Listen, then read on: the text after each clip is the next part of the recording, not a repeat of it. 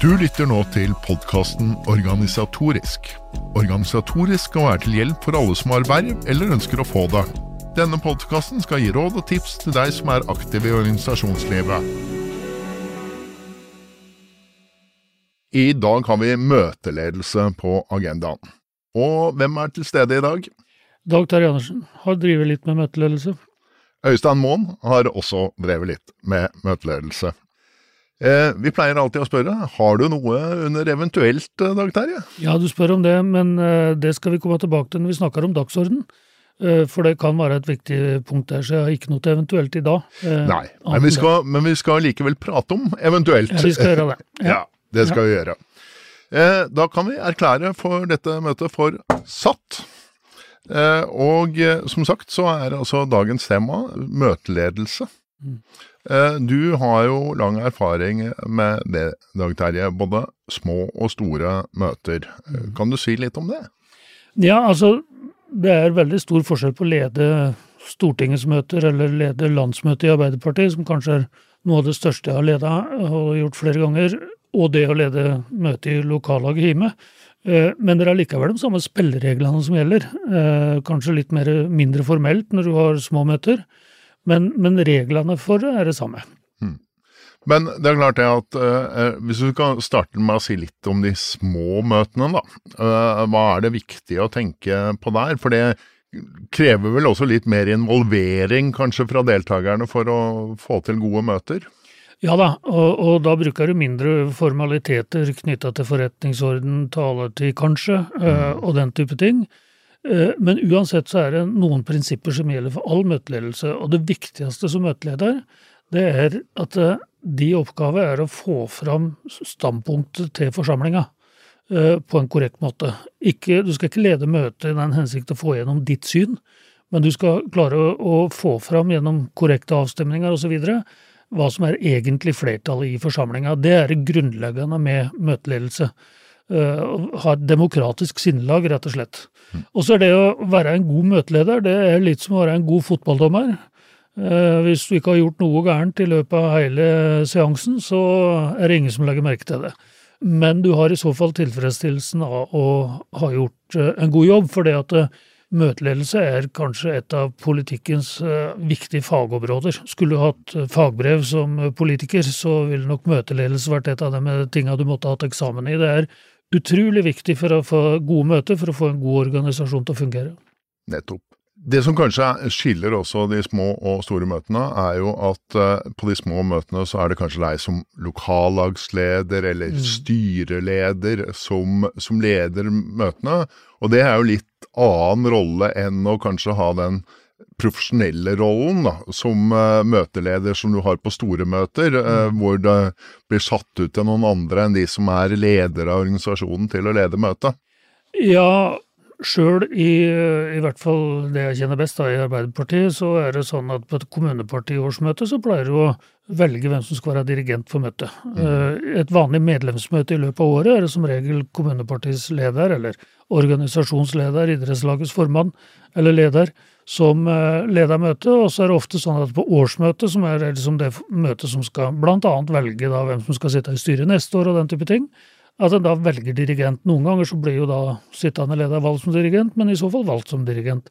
Eh, på fylkesnivå og på riksnivå så er det jo fast praksis på at det er andre enn den som er sittende leder i organisasjonen, som er dirigent på årsmøtene eller på noen andre store møter. Og på landsmøter, selvfølgelig. Mm. Men, men, de møtene kanskje flest har et forhold til, og som er flere ganger i løpet av et år, er jo f.eks. styremøter. Ja. Og da er det selvfølgelig styreleder som leder møtet. Ja. Eh, er det noe spesielt man skal tenke på da? Altså, du skal tenke på det samme. At sjøl som styreleder så skal du huske på at du som møteleder skal være nøytral i forhold til hva som skal bli resultatet til slutt. Nå er det sånn ofte i mindre styrer, lokale foreninger og sånn, Eh, at det er lederen deltar i debatten. Uh, og, men allikevel som møteleder så skal du legge opp voteringa sånn, på en sånn måte at du er sikker på at flertallets syn kommer til uttrykk. Uh, og så er det jo vanlig da, hvis du har et medlemsmøte i en lokal forening, at styret har hatt et møte på forhånd, at dem har et forslag til vedtak. Og da er det fast regel for at da er det det forslaget til vedtak som legges til grunn. Og hvis du eller noen andre da har foreslått et annet vedtak, så foregår voteringa som regel på den måten at de som støtter det framlagte forslaget, forholder seg i ro, og de som stemmer for det andre forslaget, viser stemmetegn. Det er en ganske fast praksis eh, å gjøre det på den måten. Men eh, mitt inntrykk er vel kanskje at de fleste styreverv jeg har hatt opp igjennom årene, er jo at man eh, stort sett er ganske samstemte, ja. og at man eh, Altså egentlig leders oppgave er å prøve å trekke en konklusjon ut ifra den debatten som har eh, vært på, på styremøtet. Ja, og det er riktig. Og, og noen ganger syns jeg på kanskje litt andre nivåer at det går litt for langt. For at noen ganger så blir den konklusjonen truffet mer med utgangspunktet til lederens standpunkt Eh, enn til det som har kommet fram i møtet. Eh, da er det i hvert fall naturlig å gjøre det på den måten at en spør om kan det være en rimelig konklusjon at, og at de som eventuelt er uenig i det, får lov til å gi uttrykk for det, sånn at en er helt sikker på at eh, en har fått med seg hva som er flertallets holdning. For noen ganger i organer som jeg har vært, så har det vært ledere som har trukket konklusjoner som kan ha vært litt usikker på om det var, egentlig var holdningen til flertallet i salen, og det er en uheldig måte å lede på. Så det er alltid fornuftig å sjekke ut ja. om det er noen som er imot, ikke sant? Rett og slett når du trekker den type konklusjoner. Nok en gang demokratisk sinnelag, det er det det handler om. Ja. Så er det noe som mange er opptatt av, det er dette her med når det er konflikt, da, og kanskje uenighet, og kanskje et styre eller en forsamling deler seg på midten, så prater mange om den dobbeltstemmen til leder. Ja, og det er eh, opp til den enkelte organisasjonen å ha uh, regler for. Uh, nå har ikke jeg vært borti noe tilfelle der en leder har dobbeltstemme, men det er noen situasjoner der lederens stemme er avgjørende hvis det er stemmelikhet, og det er litt uh, forskjell på det. Men det er ikke noe en leder kan ta til seg. Det må i så fall være en del av bestemmelsene, enten at det er en del av vedtektene til organisasjon, eller en har vedtatt det som en del av reglementet for det møtet, altså en vedtatt forretningsorden. Så tenker jeg også at en møteleder, selv om det ikke nødvendigvis er den personen som har ansvaret, eh, må sørge for at det som faktisk blir vedtatt, kommer inn i en protokoll eller en, et referat. Mm. Eh, ofte er det jo en sekretær som har den rollen å skrive det, mm. men møteleder har vel også et ansvar for at det som kommer frem i protokollen og referatet er korrekt? Ja, og særlig i eh, ikke store forsamlinger eh, så er det en ting som jeg legger veldig vekt på, eh, at den som, enten det er et sekretariat for et utvalg eller det er en sekretær i et styre, at jeg forsikrer meg om at konklusjonene er klare. Eh, om det er grunnlag godt nok for eh, en protokoll.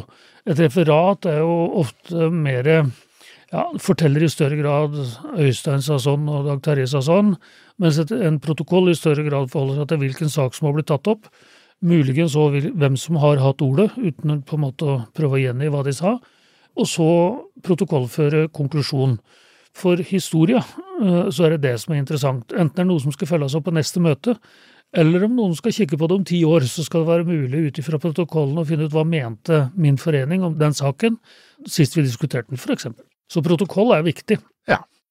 Da kan vi løfte oss litt opp eh, på det kanskje du har mest erfaring på, Dag Terje. Eh, de litt større møtene, eh, og mm. hvor det kreves litt mer formalitet. Og hvor som oftest ikke en styreleder eller valgt leder er den som leder møtet. Eh, også fordi at eh, de har gjerne andre oppgaver mm. Eh, på disse store formelle møtene, enten det er årsmøter eller landsmøter eller mm. kongresser eller hva det måtte være. Hva, hva, tenker du er viktig når du er på sånne typer møter? Nei, Det samme, egentlig.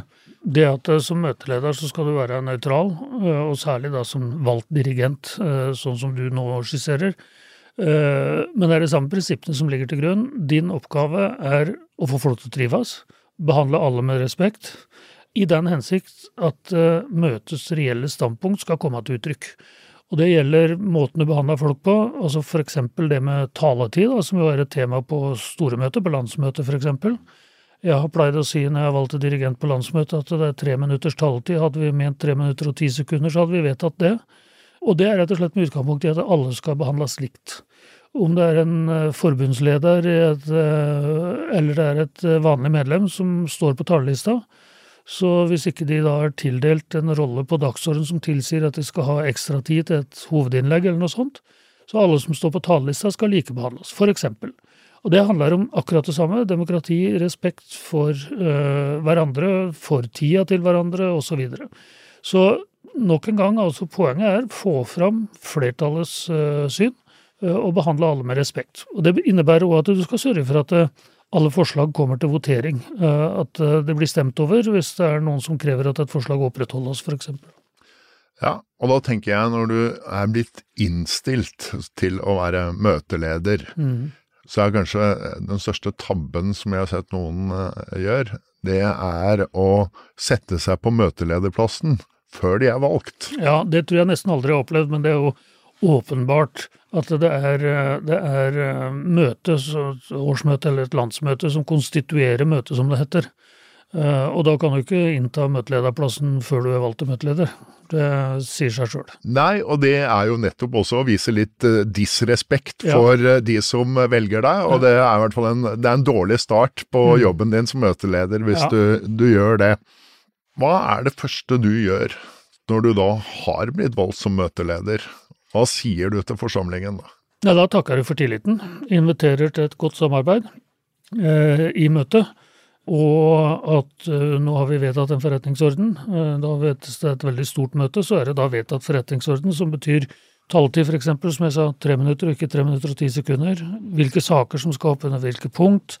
Regler for om det skal være adgang til replikker eller ikke. I veldig mange store møter så er det jo ikke adgang til det, men det skal på en måte alle sånne ting skal være avklart på forhånd, og det er fordi at det ikke skal oppstå noe krangel underveis om på en måte måten du leder møtet på. Mm. Uh, og, og, det å få godkjent en ordentlig forretningsorden er utrolig viktig på store møter. Mm. Uh, det kan være regler for behandling av utsettelsesforslag, det at én uh, representant eller et flertall blant representantene kan kreve skriftlig votering, alle de tinga der, er det utrolig viktig at det blir avklart på forhånd, før en går inn i de konkrete sakene, sånn at en er enig om spillereglene, og at de er like for alle. Hva ligger på pulten din foran deg når du eh, starter eh, møteledelsen? Hva det, har du med deg? Nei, det, altså Klubba selvfølgelig ja, har jeg med meg, eh, og den skal brukes riktig og ikke i utide, men, men, på en måte brukes til å bekrefte vedtak, f.eks. Det varierer jo hvem type møte det er, men, men f.eks. på Arbeiderpartiets landsmøte så har det vært vanlig at vi behandler kanskje mellom 1000 og 1500 forslag den første dagen. Eh, og da er det selvfølgelig det som ligger foran meg da, er jo mange dagers forberedelse på sortering av forslag, kunne sakene, uh, ha kjennskap til sakene, være litt forberedt på hvor det eventuelt kommer motforslag og den type ting. Og så ha forberedt seg veldig godt. Og da ligger de forberedelsene ligger da selvfølgelig klar på pulten foran meg når jeg begynner å lede møtet. Mm så vil jeg tro at uh, vedtektene er noe mm. til organisasjonen. For det, det er jo ofte det, at det kan bli debatt om det, altså hvordan ting skal styres, og hva står i vedtektene, hvor mange skal velges til et styre f.eks., og den mm. type ting. Mm. Uh, at vedtektene kan være en uh, grei ting å ha foran seg hvis man skal lede et møte. Ja, eller i hvert fall å kunne. Ja. Uh, og på sånne åpenbare ting som hvor mange skal vi velge til styret, hvor mange skal sitte i det og det organet f.eks., og sånn, så, så, må du vite at det, på store møter så er det ofte en egen valgkomité som håndterer den type spørsmål uh, og forholder seg til vedtektene og lager innstillinger, men du skal kjenne dem som dirigent, i tilfelle det oppstår noe som er i strid med vedtektene.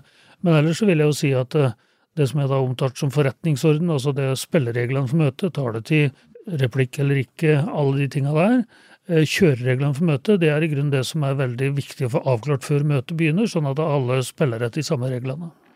Og så er det vel viktig for deg som møteleder å rett og slett ha oversikt over hvem, hvem er det som er i salen? Ja. Eh, hvem har stemmerett, og hvem har talerett? Og, og det varierer veldig, for det at på et lite møte i lokallaget, så er det de medlemmene som gidder å møte fram, som har stemmerett alle sammen, så sant de er medlem og har betalt kontingenten osv. I noen organisasjoner så er det sånn at du må ha vært medlem ei viss tid før du får stemmerett. Og Det er f.eks. i politiske partier, at de har sånne regler for det at det ikke skal være mulig å kuppe et nominasjonsmøte, f.eks. Med å plutselig verve mye nye medlemmer dagen før eh, møtet. Eh, så det kan være en del av, av, regelverket. På større møter så er det vanlig å ha en eh, fullmaktskomité som på en måte går igjennom hvem som da offisielt er valgt som representanter til det møtet og hvem av dem som har møtt. Og da, som møteleder på landsmøter i Arbeiderpartiet, så er det sånn at vi har tar hver til oversikt over hvor mange av de 300 som da egentlig er delegater til årsmøtet, landsmøtet, og som har stemmerett, hvor mange av de som har møtt, og hvor mange som ikke har møtt. Og der er det så strengt at hvis du er delegat på årsmøtet til, landsmøtet til Arbeiderpartiet, og finner ut at du må gå hjem de siste timene av møtet, så må du søke permisjon. Eh, og det er fordi at antallet som er i salen skal være korrekt hvis det skal voteres. Nettopp. Det må være strengt, men det er jo også for å få det korrekt, rett og slett. Ja, altså, altså, Grunnen til at det er strengt, er jo det at det, i hverdagen i de fleste organisasjoner som du var inne på i dag, så er det en jovial tone. Du prøver å finne en felles løsning og sånn.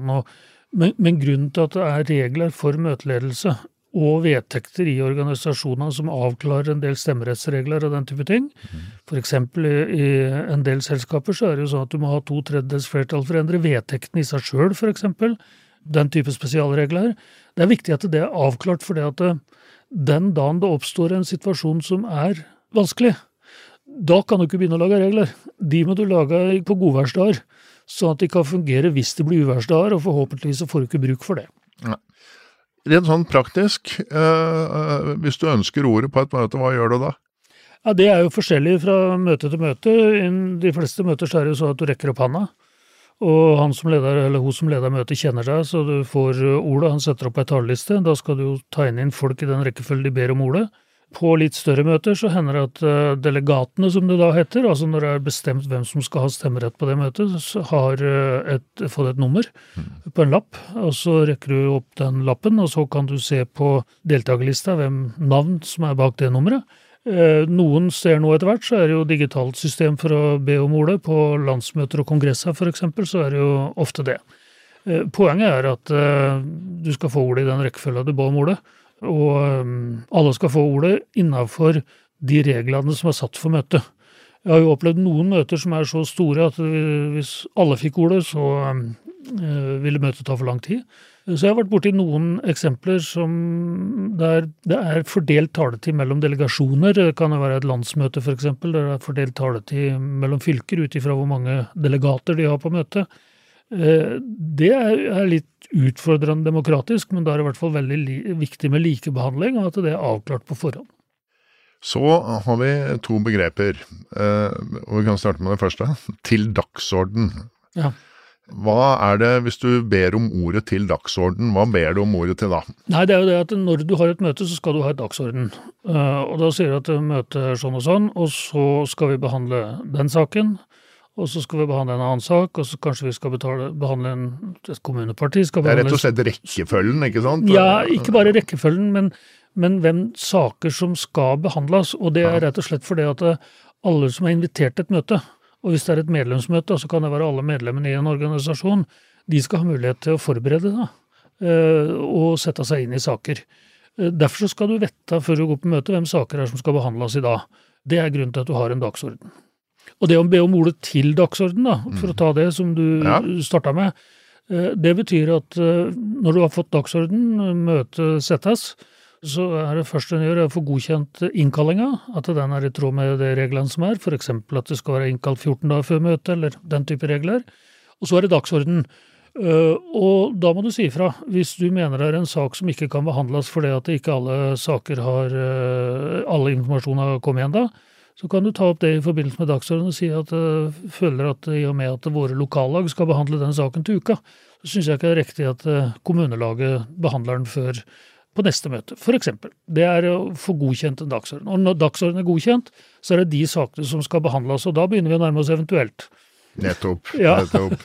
Men, men, men vi, tar, eh, tar litt, vi, tar, til forretningsorden nå. Altså hvis du ber om ordet til forretningsorden ja. eh. det, er, det er, når du, vet, når du bestemmer forretningsorden, som jeg da omtalte som også spillereglene for møtet, da, for å kalle det, mhm. kalle det det, så er det sånn at uh, når den er vedtatt, så skal den gjelde for alle. Men det betyr at hvis du mener at eh, det er foreslått tre minutters taletid, og det er for kort å få sagt det en skal på en ordentlig måte, så kan du be om ordet til forretningsordenen, og da kan du foreslå at det isteden blir fem minutters taletid. For eksempel. Det er spillereglene for møtet. Dem blir vedtatt. Og hvis ikke noen foreslår endring, så blir de vedtatt sånn som styret har foreslått. Da kan du be om ordet til forretningsorden for å endre på det regelverket. Og så er det flertallet i møtet som bestemmer det. Ja. Og de fleste av de møtene du har vært på, så har det vel heller vært motsatt. At uh, kanskje møteleder foreslår at man går ned fra tre minutter til to minutter, uh, og endrer forretningsorden underveis, fordi at man ser at det blir uh, veldig seint på kvelden hvis ja. alle skal få ordet. Ja, og det er ofte lurt å, å ta med innledningsvis at dirigentene har anledning til å foreslå redusert taletid hvis det er behov for det, for det første. Og så er det sånn med all møteledelse at det som dirigent hvis du foreslår f.eks. For at taletida må reduseres fra tre til to minutter, så er det altså forsamlinga som skal godkjenne det. Eh, og det er prinsippet for all møteledelse, all vedtak av forretningsorden, men ikke minst all endring underveis av f.eks. Mm. taletid. Det er det møtet som godkjenner, på demokratisk vis. Nettopp. Nå er nok ikke det så veldig vanlig på sånne store offisielle møter, men det hender av og til at det kommer noen etternølere diltende inn på møtet et kvarter etter at det har begynt, eller en halvtime etter det har begynt. Mm. Er det noe, eh, Kan de bare eh, bli med i møtet med en gang, eller bør det være noen regler for hvordan man behandler eh, de trege? ja, Nei, altså det er det er regler for uh, i generell møteledelse. Og regelen er sånn at hvis du kommer etter at en sak har starta, så får du ikke mulighet til å stemme før etter at det neste sak har starta. Altså, sagt på en annen måte, du er nødt til å være til stede under hele behandlinga av saken. Mm. Og det er respekt for at de første som argumenterte, som du da ikke har hørt, eh, har da ikke blitt hørt av deg, og da skal du heller ikke være med å stemme. Eh, så er nok det en av de reglene som på en måte som er der, som en kan benytte, eh, som kanskje ikke er nødvendig å bruke i, i hvert fall på et lite styremøte eller den type ting men som det er viktig at en er klar over når ryddighet er eh, alvorlig. Og jo vanskeligere sakene er, jo viktigere er jo at formaliteten overholdes. Jeg ville nok som møteleder i Lardal Arbeiderlag, så ville jeg nok eh, ikke nekta en person å være med på et vedtak hvis han kom fem minutter for seint, eller hun kom fem minutter for seint, men det er en viktig regel i forhold til demokratiets spilleregler at eh, skal du stemme i en sak, så skal du ha hørt alle argumentene både for og mot. Nettopp. Da tror jeg vi skal komme til eh, punktet eventuelt. Ja, eh, for det at når du har spurt om det innledningsvis, så er ikke det tilfeldig. For det at det er en av de tingene som er viktig å avklare på møtets eh, startpunkt. Enten det er lederen som leder møtet, som er et styremøte eller en hverdagslig medlemsmøte i en organisasjon, så er det uansett viktig å få avklart, fordi du har en dagsorden, er det noen som ønsker å ta opp noe under eventuelt. Og det gjør du altså innledningsvis. Og så sier folk ifra ja, jeg har tenkt å ta opp uh, en eller annen konkret sak, under eventuelt. Uh, og da noterer du deg det, uh, delvis av hensyn til at folk skal kanskje kunne få tid til å tenke seg om det, men ikke minst på det at et møte skal jo ofte ha både et sluttpunkt og et startpunkt. Og den som er møteleder, må ta hensyn til å prøve å få gjennomført møtet på den tida som er satt av til møtet. Og veit du at det kommer en sak på slutten av møtet, så, ja, så må du sette av tid til den. Da er det faktisk eh, sånn at uh, vår tid er ute for uh, denne episoden av uh, Organisatorisk. Så da har vi nå akkurat prata om eventuelt, og vi hadde ingenting under eventuelt. Nei. Det betyr at vi rett og slett kan si følgende, og det er at akkurat dette her med møteledelse må vi nok ha en del to på. Eh, for vi kom ikke helt i mål eh, med de tingene som kan være viktige å ha med seg på, på dette. Så her kommer det en del to eh, på møteledelse. Du har nå lyttet til podkasten Organisatorisk. Vi tar gjerne imot tips til saker som vi kan behandle i podkasten. Du finner oss på Facebook, eller du kan sende oss en mail på post at organisatorisk.no. På gjensyn. Møtet er hevet. Podkasten Organisatorisk presenteres av Norgesbarometeret AS. Norgesbarometeret leverer alt av meningsmålinger og analyser, og er spesialister på medlemsundersøkelser. Alle organisasjoner er avhengige av å vite hva medlemmene tenker. Er de fornøyde? Er det noe de savner, eller noe som kan forbedres? Alt dette, og enda mer, kan Norgesbarometeret gi deg svar på. Ta kontakt, eller finn ut mer på norgesbarometeret.no.